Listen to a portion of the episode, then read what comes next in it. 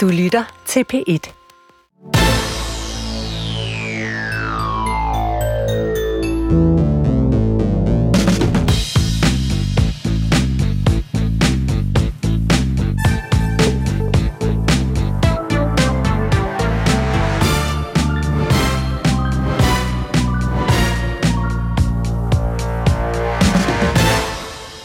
Fris Arne Petersen, krig er diplomatiets nederlag, sagde du, da vi talte sammen forleden. Hvad mener du med det?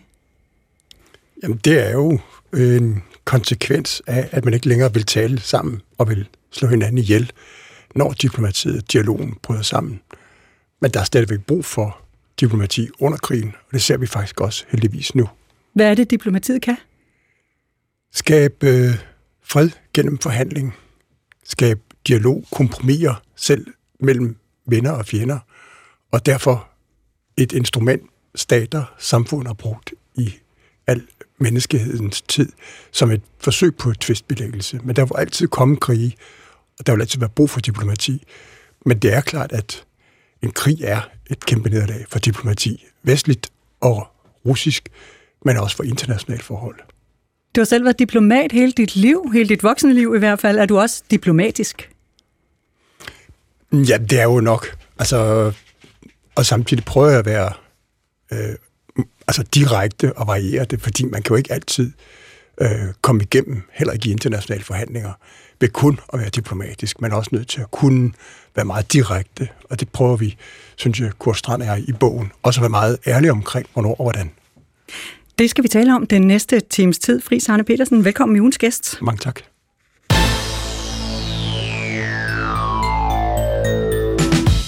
Han har fisket om kap med Uffe Ellemann, fløjet til Florida med Donald Trump og kørt i bil fra Cairo til Jerusalem gennem Gazastriben. Fiskersønnen fra Skagen, Fris Arne Petersen, endte på øverste, øverste hylde i dansk diplomati, først som ministersekretær, siden som direktør i Udenrigsministeriet, og til sidst som ambassadør i USA, Kina og Tyskland. Nu er han også hovedpersonen i en ny bog, Den forandrede verden, som udkom i denne uge, skrevet af journalist Kurt Strand. I en verden præget af krig og konflikter minder han om, at der altid kommer en tid efter krigen, og at vi, når vi når så langt, ikke har noget alternativ til at tale med hinanden. Så hvordan skal vi tale med Rusland? Hvordan kan israeler og palæstinenser nogensinde mødes? Kommer vi længere med diplomati end med F-16-fly? Og hvad laver en ambassadør egentlig, udover at gå til cocktailparties? Fris Arne Petersen er ugens gæst. Mit navn er Bille Stærl. Velkommen til. Det er nu to år siden Rusland invaderede Ukraine, og lige nu kan man vel ikke rigtig sige, at det ser ud til, at den ene part er ved at vinde, men det ser heller ikke rigtig ud til, at fredsforhandlingerne er lige om hjørnet. Jeg skal bede dig om at tage hovedtelefoner på nu, Fris, fordi øh, vi skal lige høre øh, en klip fra en tale, som EU-kommissionens formand Ursula von der Leyen holdt for to dage siden om at forberede sig på krig. The threat of war may not be imminent, but it is not impossible. And the risks of war should not be overblown, but they should be prepared for. And that starts with the urgent need to rebuild, replenish, and modernize member states' armed forces. Truslen om krig er måske ikke lige oppe over, men den er heller ikke umulig, så nu gælder det om at genopbygge og modernisere vores væbnede styrker, siger Ursula von der Leyen. Er du enig med hende? Skal vi forberede os på endnu en krig? Ja, fordi hun balancerer jo helt ekstremt dygtigt. Det er diplomatisk klassearbejde, den indledning, hun kommer med her, fordi hun siger, krigen er nok may not be imminent, men den er heller ikke umulig. Og så har hun sådan set gjort det, som jeg synes er meget vigtigt, og som måske nogle gange drukner lidt i vores egen nationale danske debat, at vi kommer kun til at tale om det sidste, om krigens muligheder. Vi glemmer af lidt at få Forsvars efterretningstjenestes egen trusselvurdering med, at der heller ikke mod Danmark lige nu er en militær trussel, men der er en risiko for hybride trusler, altså nogle andre ting end en egentlig krig, en egentlig konventionel krig mod Danmark eller NATO. Tror du, at Rusland kunne finde på at angribe for eksempel Danmark? Mm, jeg er sådan en, der vil kigge meget på, hvad der sker lige nu, hvad der er sket. Og jeg synes, man er nødt til at huske på, at NATO siden USA gav os europæer NATO i 1949, altså til sommer i juli for 75 år siden, der har Sovjetunionen og Rusland aldrig rigtig truet true. Der har været en rigtig tæt på krig, konflikt i 1962, altså rigtig mange år siden, midt i den kolde krigs øh, højdepunkt, hvor Sovjetunionen, Rusland på den ene side, USA og også NATO på den anden side, var inde i et meget, meget barst atomvåbenkapløb. Og der stillede Rusland, Khrushchev, langtrækkende missiler op lige under USA's bu i Kuba, på Kuba, og det opdagede amerikanerne heldigvis. Og den amerikanske præsident fik afværget en krise. Men noget af det, som jeg synes er det vigtigste, også i den situation, vi står lige nu i dag i Europa, med Ruslands angrebskrig mod Ukraine, at Kennedy han turde forhandle med russerne. Som han sagde, ikke af frygt, men heller ikke frygt at forhandle. Og derfor med militær overlegenhed, med konsekvent diplomati og kombinationen af militær kompetencer, kapabiliteter og økonomisk styrke og diplomati, fik Kennedy afværet den eneste konflikt, vi har haft mellem Rusland og os. Tilbage til dit spørgsmål til den røde tråd. Vi har i dag, efter min bedste overbevisning, et endnu stærkere NATO end nogensinde før. Vi er flere lande, vi har lige fået Sverige og Finland med. Vi er begyndt at tage alle de rigtige beslutninger i de sidste 5-6 år i NATO. Vi er teknologisk Rusland meget overlegne.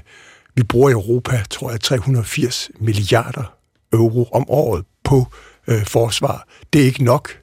Vi kommer til at øge det. Vi kommer til at tale om en udvikling imellem det amerikanske, europæiske byrdefordelingsforhold, fordi det er så vigtigt for ikke bare Trump, men for alle amerikanske politikere i dag, mere end nogensinde. Så jeg tror faktisk, at det Rusland, der til Sydland har meget svært ved at vinde en konventionel krig over Ukraine, ikke har en realistisk mulighed for at turde tro, at de kunne angribe NATO. Det vil simpelthen være for kæmpestor en mundfuld. Så du ser det ikke sådan lige om hjørnet, et, et russisk angreb på et europæisk NATO-land? Nej, og jeg synes også, at, at Ursula von der Leyen som tysk tidligere CDU og konservativ politiker og forsvarsminister får det formuleret meget balanceret. Det ikke men, men hun, taler jo netop, hun taler jo netop ikke om at styrke diplomatiet og forhandlingerne. Hun taler jo netop om behovet for at holde vores væbnede styrker i topform. Ja, og det skal vi. Man kan kun give diplomatiet en ægte chance for at slutte også den her krig gennem forhandlinger og fredsaftaler, hvis man er militært overlegen og står bedst på slagmarken.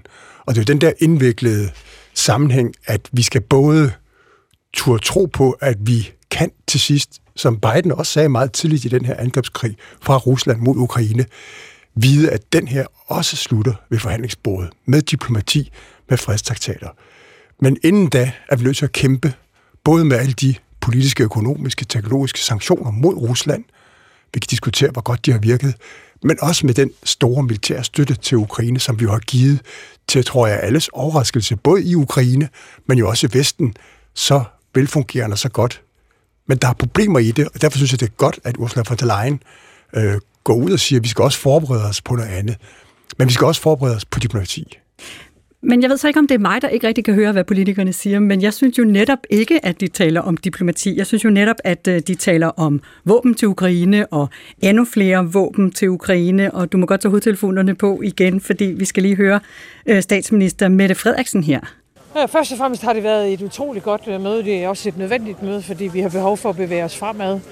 Øhm, og det, der er enighed om, det er en meget konkret opfølgning med mere ammunition øh, og mere luftforsvar øh, til Ukraine, og det er det, landet har allermest behov for.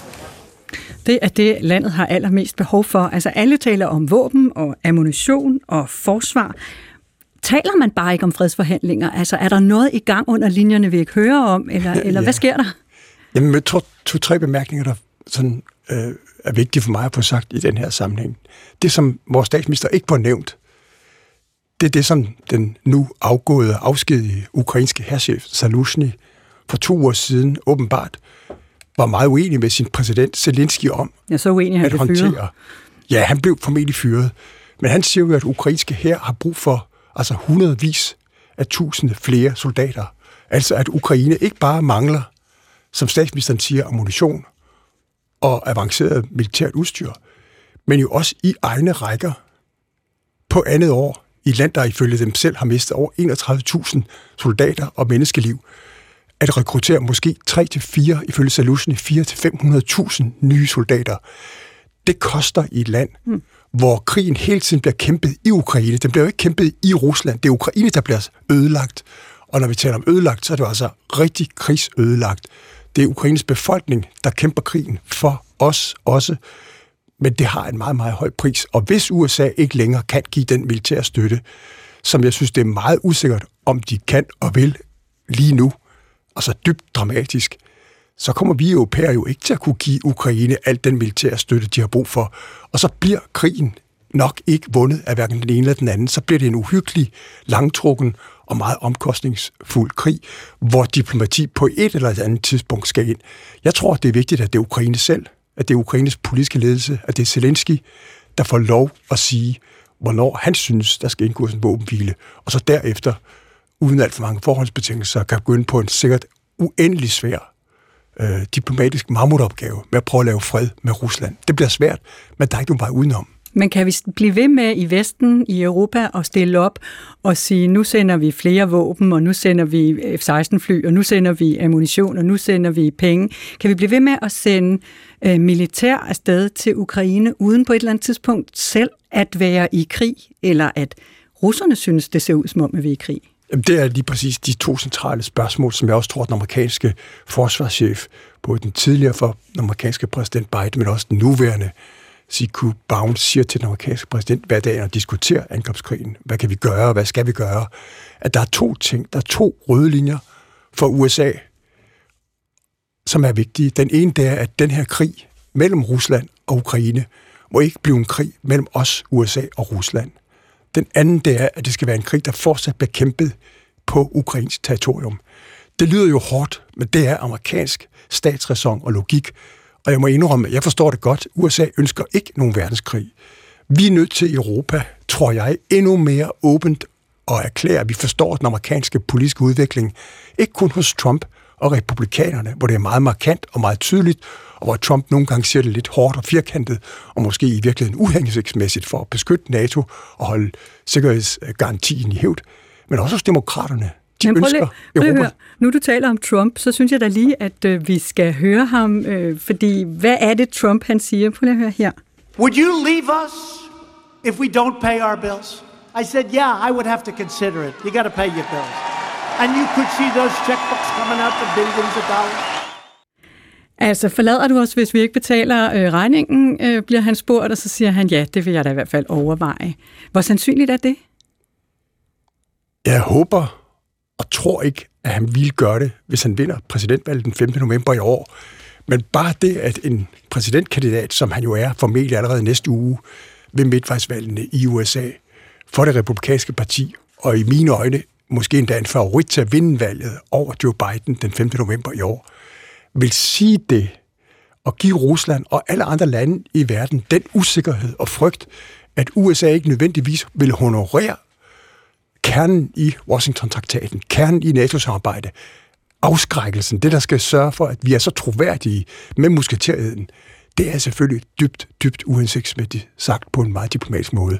Så det, allerede der er vi jo på vej ind, ikke kun med, at kongressen, repræsentanternes hus, ikke vil vedtage at bruge de 60 milliarder dollar amerikanske skatteyderpenge på militær støtte til Ukraine, men inden i at gøre vores vores afskrækkelse, altså hele logikken i bag militær magtbalance og overlegenhed hos os i Vesten i NATO med USA, rive den lidt i stykker, og, og det, det er farligt. Nu kender vi alle sammen Trump, og så trækker vi lidt øh, fra og lægger lidt til og ved, at han udtrykker sig, som han gør. Men han gør det jo, fordi han kan lugte, at den amerikanske befolkning er der. Og man må give Trump det, at han er ret dugdreven til at, og for eksempel, som vi talte om for et øjeblik siden, sige til os europæere, at nu går den altså ikke længere. I 75 år har USA betalt regningen, hovedparten, broderparten af jeres sikkerhed. Nu skal I til på en helt anden måde selv at træde karakter, og det kommer vi til. Så derfor er europæisk oprustning, europæisk forsvarsindustriel udvikling, europæisk øh, logistik, alt det, der hører med til en europæisk forsvarsdimension, ikke kun længere noget, som amerikanske øh, politikere ser ned på, men også taler op. Og er, er NATO og forsvaret af Europa ikke noget værd, hvis USA ikke ligesom er med og sætter alt sit eget isenkram med ind i det, det regnstykke der? Jo, det vil jeg jo sådan set mene, det er. Og hvis det, jeg sagde før med de 380 milliarder dollar europæiske forsvarsudgifter med store lande som Frankrig og Storbritannien, som også har A-våben, er med i ligningen. Selvom Storbritannien har forladt EU, er de med i NATO. Så ja, selvfølgelig er vi det. Men det, der er helt afgørende, og som jeg tror er et af de vigtigste budskaber, jeg kunne have ønsket om at sende i den her lille udsendelse, det er jo, at det er den amerikanske atomvåbenparaply. Den forpligtelse, den amerikanske kongres, den amerikanske senat, har givet os alle NATO-landene, nu også Sverige og Finland, med at USA vil bruge og afskrække alle sine atomvåben på at forhindre krig mod NATO. Der er så vigtigt, og det er den, Trump ligesom får kastet lidt op i luften, og gør, mm. at Putin og hans eksperter, der sidder eksperter hos Putin, der er eksperter i amerikansk politik, som sidder og analyserer på det her. Hvad betyder det her?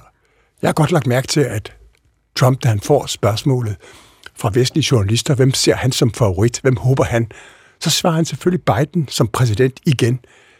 Men vi ved alle sammen, at der er et eller andet særligt forhold mellem Trump og Putin, som vi bare i Europa tror jeg, måske i virkeligheden også i hele verden, frygter. Mm. Fordi det bliver et usikkert forhold, uforudsigeligt forhold, og det kan diplomater og verdener og lande ikke lide. Nej, I kan ikke lide usikkerhed. Hvorfor tror du egentlig, at Trump vinder igen? Du sagde lige før, at det var ret sandsynligt, at han kunne blive den næste præsident. Hvorfor tror du det? Åh, oh, det er jo en lang historie, men... Så gør den kort, som du, ja, så godt du så kan. kort som muligt, så vil jeg sige, at for sådan nogen som mig, der når jeg ikke kan falde i søvn om aftenen, sidder og ser Fox News og MSNBC, altså de to store kanaler, der dækker demokraterne og republikanernes præsidentvalgkamp, som er i fuld gang, så ser Biden godt nok øh, meget gammel ud. Der findes et fantastisk amerikansk udtryk. He looks his age. Han er 81, han bliver 82. Han ser rigtig træt og gammel ud. Trump på den anden side er altså i fuld vi gør og banker der ud af med en endnu mere struktureret kampagne, end han gjorde i 2015 og 16. Så det ser ud som om, han er lige så, som Nikki Haley sagde, unhinged, altså uden for normal øh, manuskript, men alligevel er der mere øh, form og, og indhold over hans kampagne, end der var før. Han ligner altså en, der har mere damp end Biden, desværre. Fra en tidligere præsident til en nuværende præsident i mandags, så kom Frankrigs præsident Emmanuel Macron så til at åbne lidt for en diskussion om, hvor meget længere øh, Europa øh, skal gå for at hjælpe Ukraine, og du må godt tage dine hovedtelefoner på igen. Rien ne doit être exclu. Nous ferons tout ce qu'il faut pour que la Russie ne puisse pas gagner cette guerre. Jeg går ud fra, at du taler fransk fris, øh, men det Macron siger her er jo, at intet bør udelukkes. Vi vil gøre alt, hvad vi kan for, at Rusland ikke vinder denne krig. Og lige siden så har masser af diplomater og andre jo så trukket lidt i land på den her, fordi ah, det var jo ikke, han mente jo ikke, at vi vil gøre alt, som i også sætte tropper ind på landjorden i Ukraine. Det er ikke med i alt. Øh, er du overbevist om det? At det vil vi ikke? Øhm, ja, altså jeg tror, han også er, er dygtig til at formulere sig diplomatisk, fordi når han siger, at intet må være udelukket, så er det for at have alt på bordet i håbet om at gøre os NATO, også i den nuværende situation, hvor vi er, nu siger jeg det venligt og diplomatisk, noget udfordret med USA's manglende militærstøtte til Ukraine, og noget udfordret med Ukraines manglende mandskab i den ukrainske hær, og noget udfordret også med, at vi i Europa jo heller ikke alle sammen ser ens på, hvordan vi skal støtte Ukraine i fremtiden. Med andre ord, så er det nødvendigt for en fransk præsident at træde karakter og sige sådan noget her. Men det er jo ikke nødvendigvis noget, han har tænkt sig at gennemføre. Jeg synes også, det er med til historien, at Frankrig er et af de store lande i Europa, der virkelig kan noget på forsvar. Men når vi kigger på, hvor meget de store lande som Frankrig, Italien, Spanien og andre mellemstore europæiske lande reelt giver i absolute tal til Ukraine af militær støtte og økonomisk støtte, så er det altså ikke så meget som Storbritannien, Danmark og Tyskland. Og det er altså et problem, som i virkeligheden er større. Så vi har nogle problemer med, at vi mangler øh, penge til våben, vi mangler våben, ukrainerne mangler mandskab og våben. Alt det kunne jo være et rigtig godt argument for at snakke med russerne i stedet for at, øh, at kæmpe videre. Men hvad skulle russerne få ud af det? Hvorfor skulle russerne være interesseret i at forhandle om fred i Ukraine? Jamen, jeg tror, at der er flere ting. Jeg tror, russernes økonomi selvom den har omstillet sig til en krigsøkonomi, og vi hæfter os meget ved det, så er den relativt lille. Russiske økonomi er måske den femte i verden. Det er ikke den største, det er ikke den anden største. Øh, og de har været dygtige til at omstille sig, overraskende dygtige. Men, men de er også hårdt presset. De har mistet endnu flere soldater end ukrainerne. Det er også svært for en Putin at mobilisere endnu flere hundredtusinder Øh, og måske har han i virkeligheden nået det, han vil med besættelsen af hele det østlige Ukraine og Krim i 14. Øhm, og skal han så have lov til at beholde det? Nej, det, det, det kommer vi nok ikke til at få svaret på. Det bliver en mange, tror jeg, årig indviklet fredsproces. Men hele det globale syd, altså store lande, som Rusland har som naboer, som Kina, som Japan, som Indien, de ønsker jo ikke, at den her krig skal fortsætte. De holder sig ud af vores vestlige sanktioner mod Rusland. De hjælper faktisk ikke Ukraine ret meget. De holder sig neutrale. Men de siger én ting til Putin, som har stor indtryk, gør stor indtryk på ham, nemlig at krig er ikke et godt øh, middel i verden i dag. Og når både Indien og Kina og andre lande i det globale syd, altså dem, der repræsenterer måske samlet set 6-7 milliarder mennesker, siger det til en præsident, der altså trods alt kun repræsenterer 130 millioner russere, så ved han godt, at han er i gang med at isolere sig selv. Så han har en interesse i også på et eller andet tidspunkt at overveje at indgå en våbenhvile. Hvilken freds- fredsaftale, hvilket resultat, der kommer ud af det, er umuligt at sige i dag. Vi skal i Vesten gøre alt, hvad vi kan for at få en maksimalistisk, virkelig ambitiøs Og når du øh, siger maksimalistisk, hvad mener du så? At, at, at Ukraine skal gå efter at få det hele tilbage. Men jeg synes også, man er nødt til at være ærlig og kigge på historien. Det er altså i 2014, for otte år siden, at Rusland annekterer Krim, og hverken vi i Europa eller USA, Obama eller ukrainerne selv løser ret mange skud mod russisk annektering, og det betyder, at Rusland i otte år har siddet på Krim. Det bliver en rigtig svær knast at få tilbage. Når vi siger, at der ikke er nogen diplomatiske initiativer, så tror jeg faktisk, at vi overser lidt, at øhm, den nyvalgte finske præsident, Alexander Stubb, og han taler jo ikke længere nu som bare finsk præsident, hvilket i sig selv er nok ret meget, men også som et NATO-medlem. Han siger, at han synes, at et land som Kina skal indgå i forhandlinger, som Ukraine åbenbart selv vil have arrangeret i Schweiz i løbet af marts-april, en stor international konference om fredsforhandlingerne. Så diplomatiet, den ukrainske udenrigsminister Kuleba, hans præsident, arbejder på flere spor, og det gør de, fordi de er kloge, og de ved godt, at det ikke er sikkert. Der er ingen garantier for, at de vinder den her krig. Og hvis den bliver uafgjort, hvad jeg tror, de fleste i USA, eller i Kina, eller Indien, og i Ukraine måske frygter, så skal der på et eller andet tidspunkt, hvor svært og smertefuldt det er, laves en forhandling, hvor, jeg har sagt, drabende blodbad kan stoppe. Om bare et par timer, så bliver den russiske oppositionspolitiker Alexei Navalny begravet i Moskva, hvis de kan finde en rustvogn. Øh, som vi hørte i radioavisen lige før, at det var et problem at finde en rustvogn. Øh, Navalny døde jo meget pludseligt i en øh, russisk fangelejr for to uger siden. Vi skal lige høre hans enke, Julia Navalnaya. You cannot hurt Putin with another resolution or another set of sanctions. You are not dealing with a politician, but with a bloody monster. Resolutioner og sanktioner rammer ikke Putin. Vi har at gøre med et, ikke med en politiker, men med et monster, siger hun. Og det kan man jo sådan set godt forstå, at Julia Navalny, jeg synes. Men hvorfor skal vi overhovedet tale med et menneske som Putin, som slår folk ihjel, hvis de er uenige med ham, eller truer hans egen position? Jamen, han er jo en uhyggelig leder, der i mange år, ikke kun i forhold til Navalny, men i mange år har dræbt russiske oppositions- og eksilpolitikere i London, i Berlin, midt i NATO-områder, og provokeret os øh, en uhyggelig øh, repressiv stil. Øh, og skal vi anerkende ham ved at forhandle fred med ham? Nej, men der er nogle ting, der er så øh, svære at forklare på ultrakort tid, men alligevel er enormt vigtige. Da Biden holder sin store tale i Polen for halvandet år siden til Ukraines befolkning og til Vesten, til Europa, vi, Vesten, USA, vi er der, vi støtter jer hele vejen der holder han en fremragende tale med alle de rigtige elementer, som en amerikansk præsident kan og skal. Det går så godt for ham i hans relativt høje alder, og han får læst den op, at han til sidst improviserer og siger, må Gud fjerne denne mand. Lige præcis den sidste udtalelse er det, der provokerer ikke kun Rusland, men hele det globale syd rigtig meget. Hvorfor? Jo, fordi det betyder, at vi, USA, Europa måske, ønsker at bestemme, hvem der skal styre Rusland. Den amerikanske udenrigsminister tror han, at Israel på det tidspunkt skynder sig ud med en erklæring.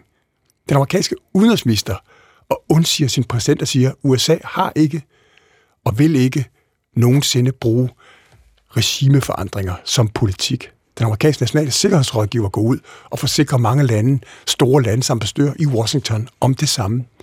I hele det globale syd er man nogle gange, og det er vi nødt til at tage bestik af, ikke kun at Kina og Indien og Brasilien og Afrika ikke vil overtage vores sanktioner og tage parti i konflikten. Det bliver en europæisk konflikt, at den ødelægger vores syd, øh, syd, globale syds interesse for at få det, de vil have, fødevare, energi, økonomisk udvikling. Men også det, at de nogle gange ser os, mange gange ser os, i mindst, ikke mindst USA, som nogen, der har dobbelte standarder. Altså hele tiden vender folkeretten, den internationalt anerkendte øh, regelorden, til vores egne interesser og drejer den efter behov.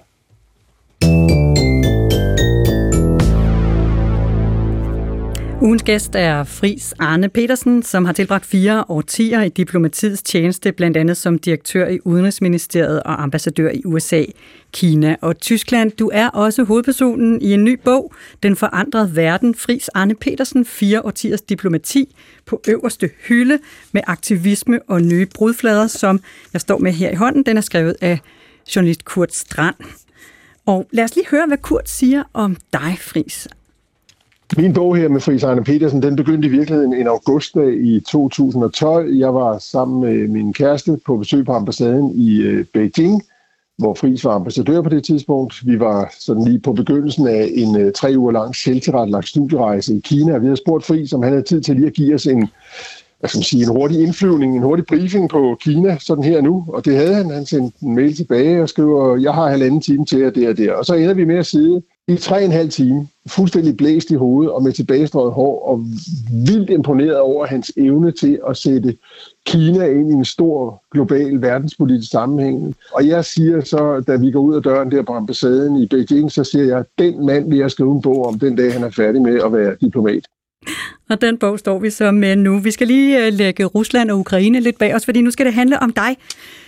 Du er 71 år gammel, du er født og opvokset i Skagen. Din far var fiskerskipper på kutteren Zenit. Din mor var husmor, og du er den mellemste af tre drenge. Hvordan kommer den store verden ind i det barndomshjem? Nej, det var heller ikke noget, jeg havde øh, nogen som helst øh, plan om, eller egentlig sådan drøm om. Jeg var øh, den af mine øh, brødre, der ønskede at blive fisker.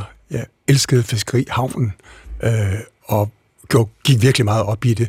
Men så kommer jeg i folkeskolen, øh, i gymnasiet, fordi nogle af mine øh, lærere foreslår mig, at jeg kunne overveje det. Og fra gymnasiet, som de siger i Skagen, gik det helt galt for Fris, fordi så kommer jeg på universitetet, og så kommer jeg ind i Udenrigsministeriet efter kort tid. Og, og det er klart, at den tid er præget af, at vi Danmark kommer ind i EF, lige præcis da jeg flytter fra Skagen til København. Sommeren 72 har vi den første store folkeafstemning om vores europæiske fremtid. Og der er du 20 år gammel? Ja, 19 år ja. og fylder 20 i november. Og det, og det var meget altså, inspirerende for mig at høre den debat mellem de danske toppolitikere. Hvad var det, vi ville? Hvad, hvad, hvad betød det? Hvad var national suverænitet i sådan et europæisk fællesskab, hvor vi skulle være sammen med de gamle fjender, altså Vesttyskland øh, og Italien? Kunne vi det? Ville vi det? Hvor vil, hvad, hvad vil der ske med Danmark? Vores sprog, vores identitet? Alt det, vi var bange for dengang, og som nationalisme stadigvæk hæger om. Når vi i dag kigger tilbage, synes jeg, ikke bare folk som mig, men alle erkender, at vi er en naturlig del af et europæisk fællesskab. Ikke mindst i den verden, vi lige har talt lidt om. Vi kan kun virkelig få forståelse, indflydelse på den verden, hvis vi optræder samlet europæisk, og helst også på sikkerhedspolitikken sammen med USA, så meget som USA overhovedet vil. Men ud over EU-afstemningen, eller EF-afstemningen, som den jo hed i 72, ja. hvad var det så, der bragte øh, det her øh, drømmen om at rejse ud i verden ind i hovedet på øh, teenageren Fris i Skagen? Ja, mens jeg læser på universitetet, der, der øh, er Vietnamkrigen en meget, meget stor ting. Øh, det europæiske fylder egentlig ikke så meget, men for mig som ung var det nok især den tredje verden, Afrika, udviklingslandene, det, der hed Nord-Syd-dialogen, altså forholdet mellem den rige vestlige verden og så alle de fattige. Og jeg drømte egentlig om at komme ind i Udenrigsministeriet som Danida-medarbejder, blev bistandskonsulent, havde set, hvor fantastisk Danmark lavede et teknisk, økonomisk, fagligt samarbejde med nogle af verdens fattigste lande. Men så kommer øh, ligesom hele tiden øh, en løsning på den arabisk-israelske konflikt, en fredsaftale mellem Ægypten og Israel. Og der bliver meget interesseret i den arabiske verden, den arabisk-israelske konflikt, og kommer derfor til Ægypten. Ja, for i 78 bliver du kendt polit, i 79 bliver du ansat i Udenrigsministeriet, så klapper fælden, ligesom så kommer du ikke derfra igen. Og i 1981, der bliver du udstationeret øh, i Kairo i Ægypten, og du har knap nok pakket ud, kan man sige, før øh, den ægyptiske præsident, Anwar Sadat, bliver myrdet. Hvad er det for et Ægypten, du lander i? Jamen, det var jo øh, en by så stor, som jeg aldrig havde oplevet. 8 millioner, øh, og et land så stort, som jeg aldrig havde oplevet, og super fattigt men også i en eller anden form for optimisme på grund af den fredsaftale, som USA's præsident Carter havde forhandlet mellem den egyptiske præsident og Israel. Øh, indtil, altså en uge efter jeg lander, ankommer, at, at Sadat bliver myrdet, og hvor terroren jo virkelig i mit liv kommer til at fylde rigtig meget. Ikke 9-11 2001, men, men 6. oktober 1981. Og lige siden har jeg nok været et af de mennesker, der har holdt meget øje med terror i Europa, Rute Armee-fraktion i Italien, i Irland, Storbritannien, øh, USA, men især i, selvfølgelig i Mellemøsten. Og derfor har jeg selvfølgelig en svaghed for at følge med i, hvad der sker på det område, og hvad der skete sidste år også selvfølgelig 7. Men, oktober. Men på trods af terror og, og, og, og drab på en præsident, så er det jo også en region, hvor du selv rejser rundt i bil. Du kører rundt i din egen bil.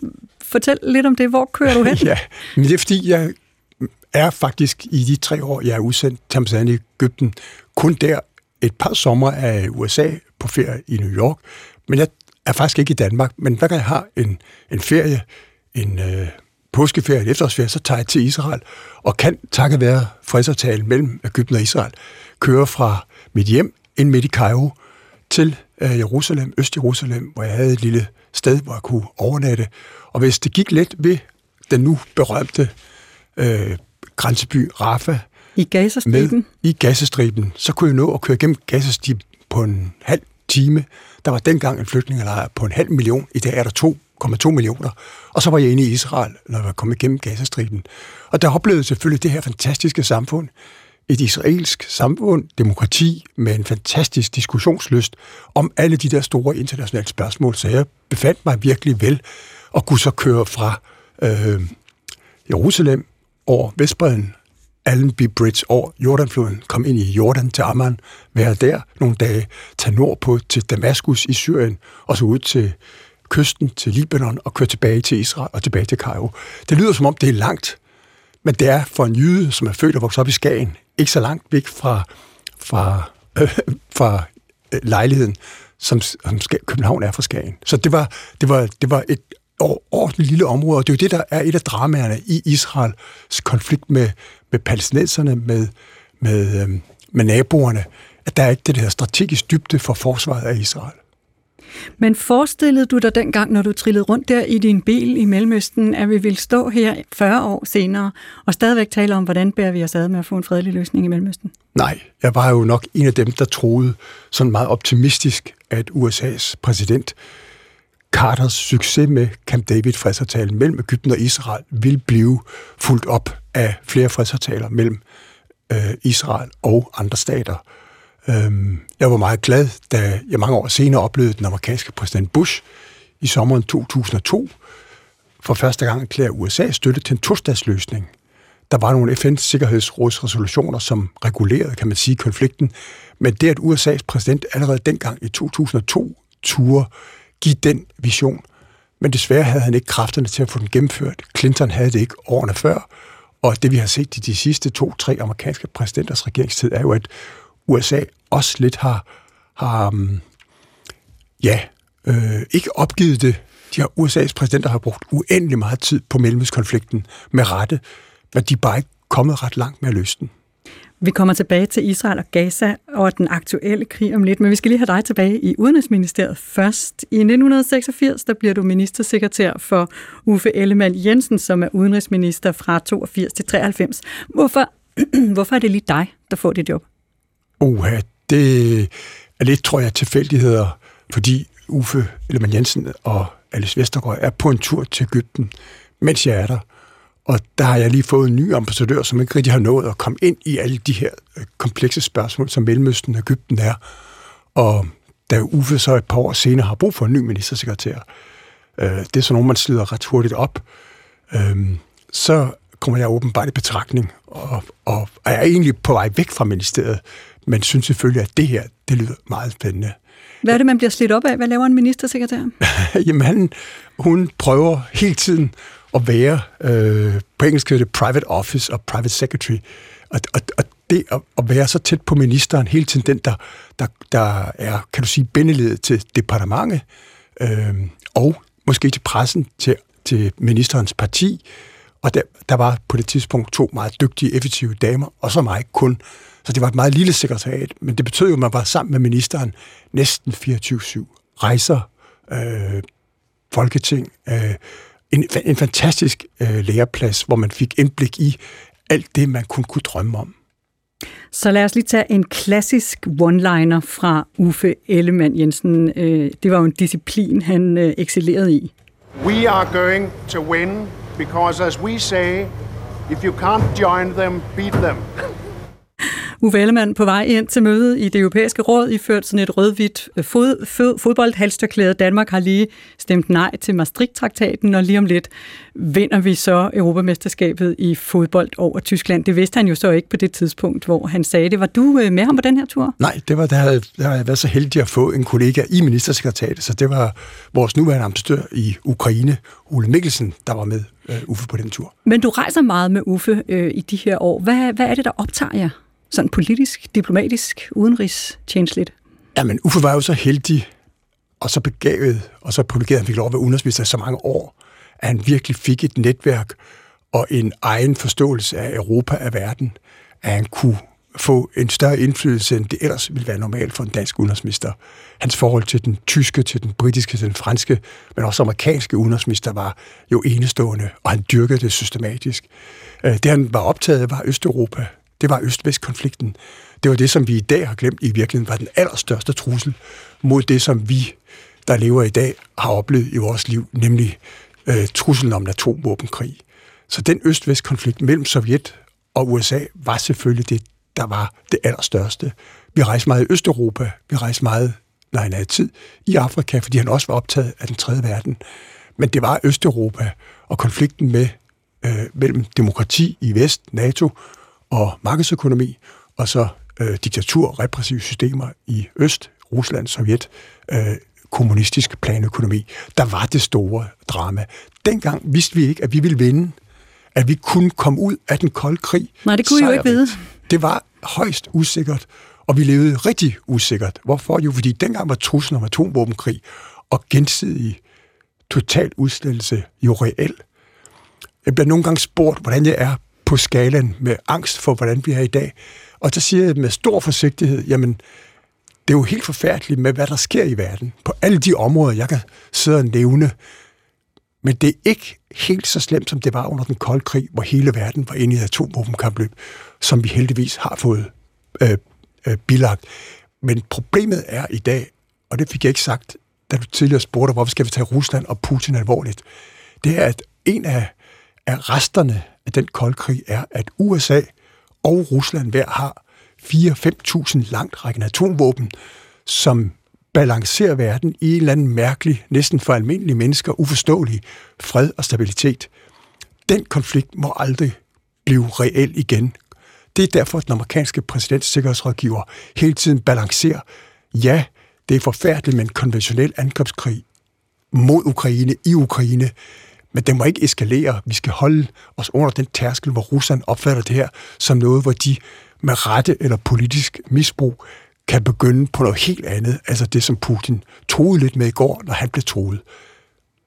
Men du drømmer jo hele tiden om at komme videre ud i verden. Du vil gerne ud i verden, du vil gerne øh, redde verden, du vil oprindeligt ud med Danita, men i stedet for at sende dig til udlandet, så sender ministeriet dig nærmest op på et endnu finere kontor. Øh, du bliver direktør i Udenrigsministeriet i 1997 og er der frem til 2005.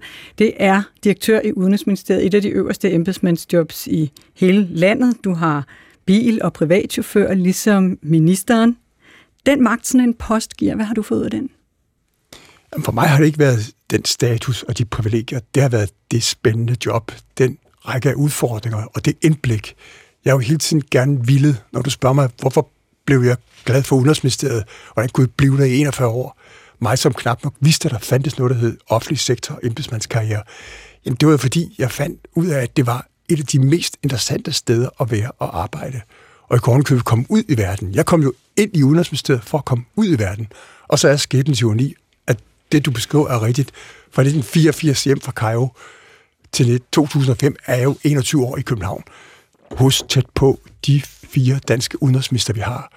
Og det, men det, det var det spændende, det var det interessante, og så det perspektiv at kunne være med til at gøre nogle ting. Altså, i mit liv er det vel både det, at vi kommer med i Europa, Danmark, men også, at vi afslutter den kolde krig, jerntippes opløsning i 1989, og alt det, der så sker, og, og er muligt der fris på noget af det?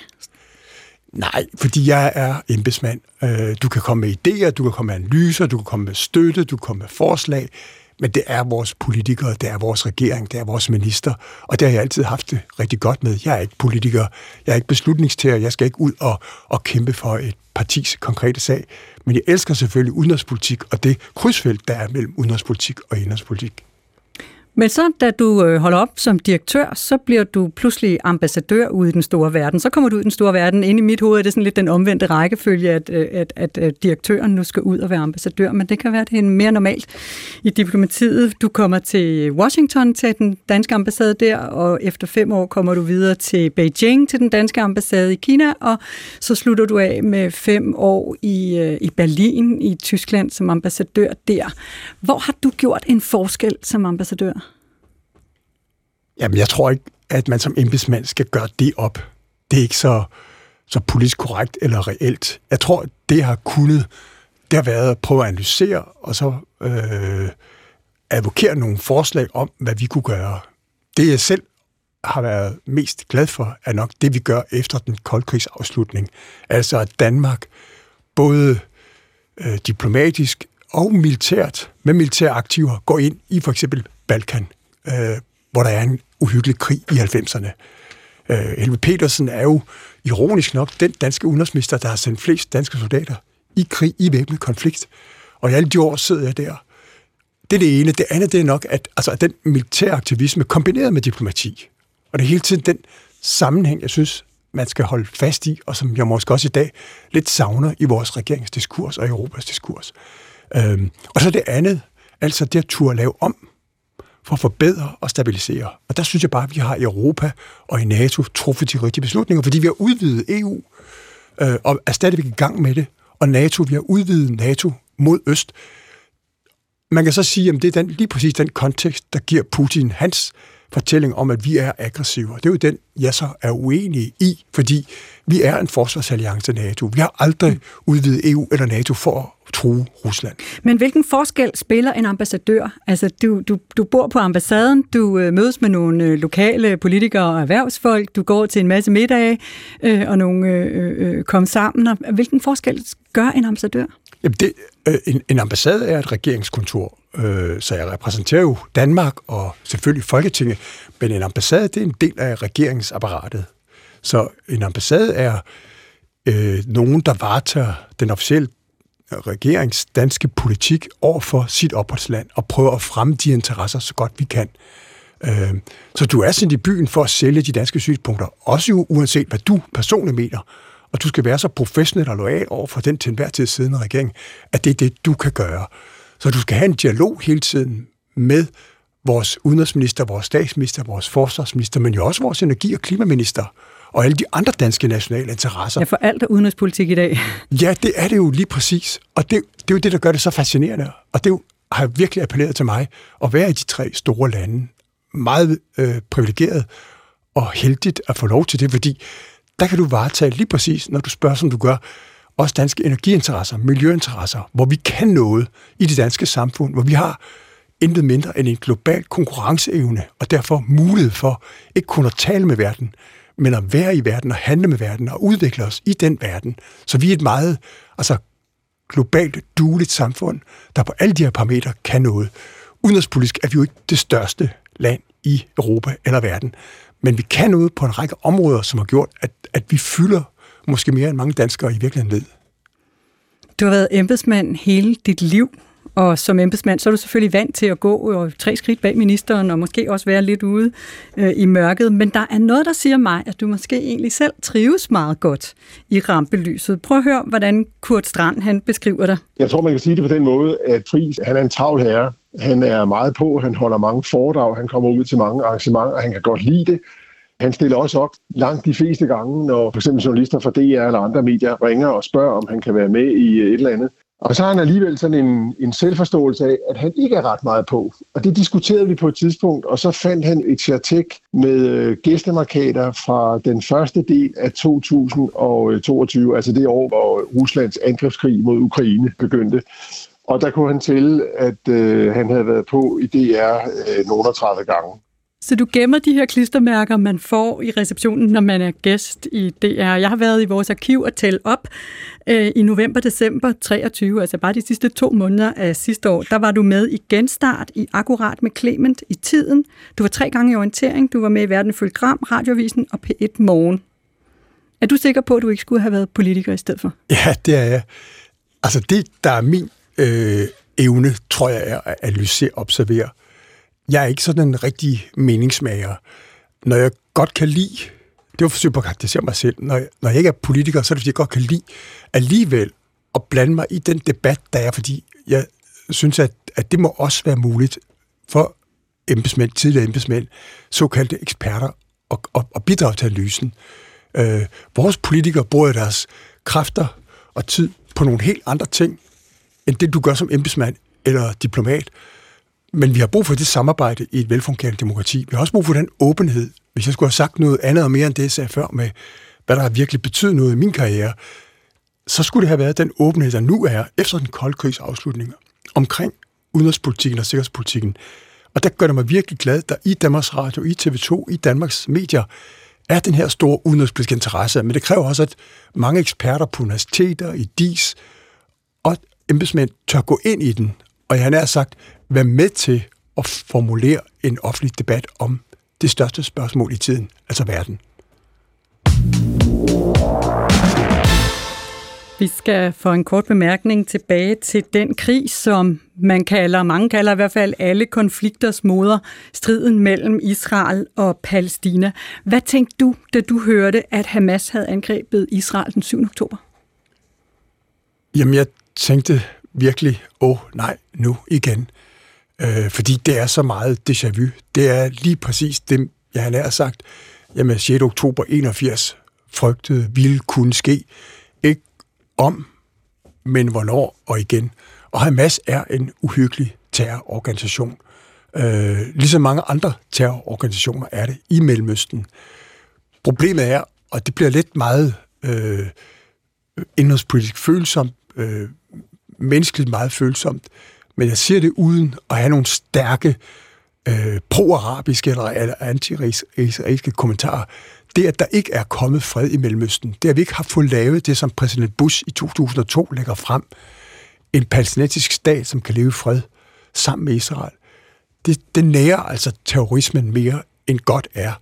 Den måde, hvorpå Israel, synes jeg, har legitimt ydet sit gensvar og sit forsvar over for Hamas har haft store civile offer, og det skaber altså ikke færre terrorister i Mellemøsten eller hos Hamas.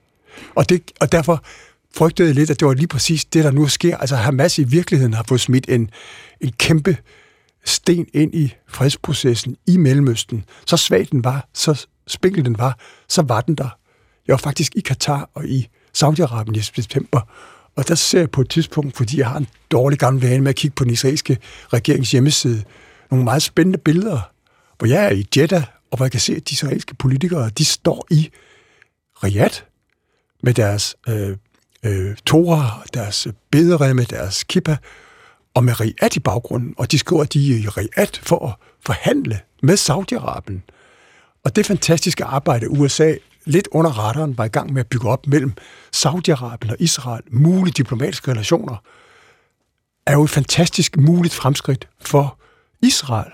Især Israel, også for os andre.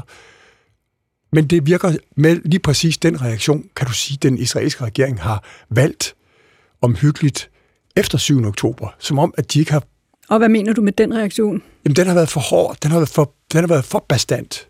Den gør det meget svært for Saudi-Arabien at komme tilbage og fortsætte den diplomatiske tilnærmelsesproces, som Hamas med, med, med uhyggelig brutalitet får ødelagt og får stoppet med deres ugerning den 7. oktober. Og det er jo lige præcis det, Biden og Blinken hele tiden har sagt til Netanyahu og hans regering. Pas nu på, at I ikke kommer til at reagere for hårdhændet. Pas nu på, at I ikke begår de samme fejl, som vi i USA gjorde efter 9-11 2001. Pas nu på at tænke igennem, hvad der sker, hvis, hvis Hezbollah i Libanon eller Vestbreden bryder i brand, eller endnu værre, hvis Iran går i gang med en krig mod jer. Tænk alt det her igennem. Ja, hævn jer, yd jeres øh, legitime selvforsvar og øh, angreb mod Hamas, men pas på de civile palæstinensere. Udenrigsminister Lars Løkke Rasmussen, han siger i et helt nyt interview, som DR bragte i går, jeg ved ikke, om du vil have dine hovedtelefoner på, hvis du lige skal høre det. Han siger sådan her. Vi siger meget, meget klart, og det gør det internationale samfund i stigende grad, at vi er nødt til at skifte, og det vi er i den her sammenhæng så Israel, nødt til at skifte kurs her. Og det er også derfor, at jeg og andre har advaret meget mod et, øh, et angreb på Rafah. Øh, vi er nødt til at få den her konflikt over i en ny, øh, i en ny modus.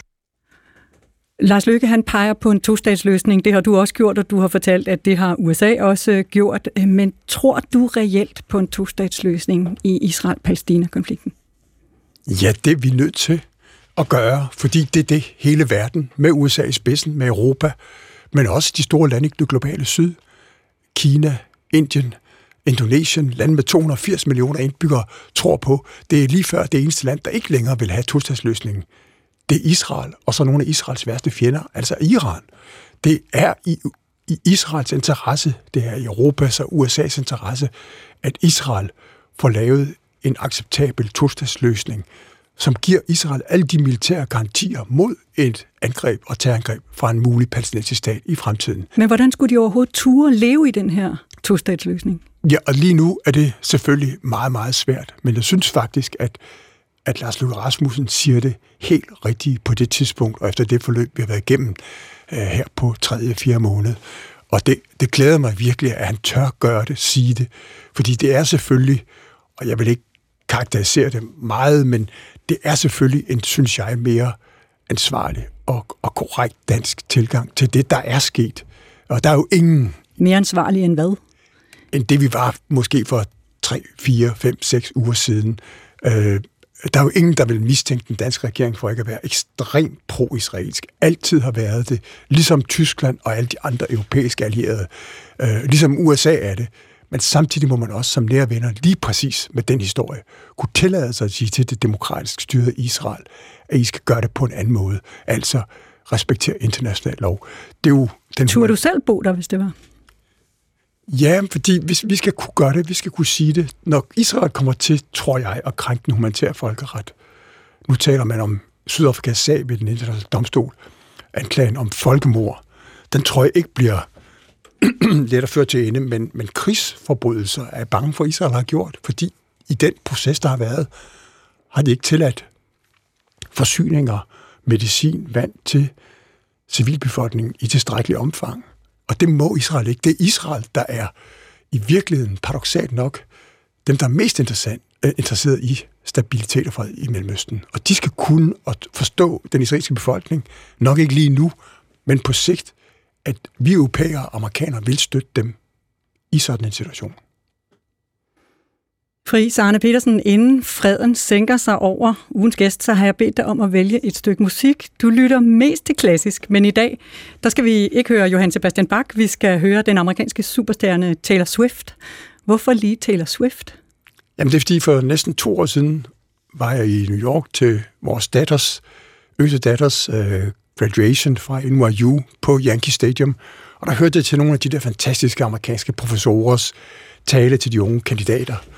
Og, og så til sidst kom Taylor Swift. Og jeg har med to døtre og en søn selvfølgelig hørt meget Taylor Swift. Og jeg har altid tænkt, at hun kan ikke være lige så god som Lady Gaga eller Beyoncé.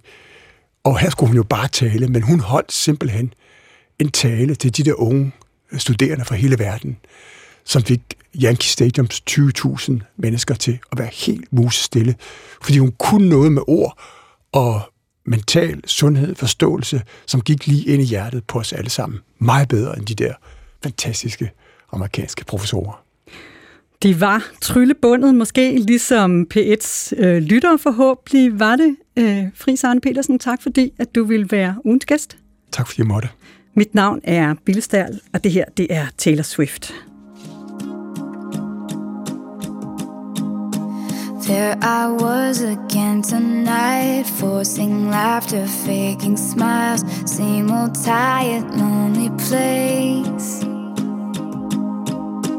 Walls of insincerity, shifting eyes and vacancy, vanished when I saw your face. All I can say is it was enchanting to meet you.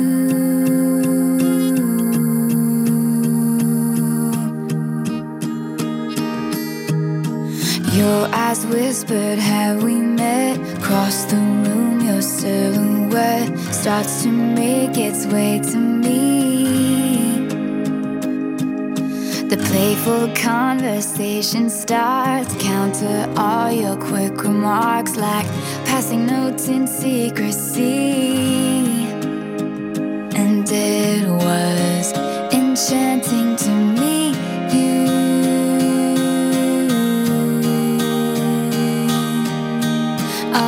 I can say is I was enchanted to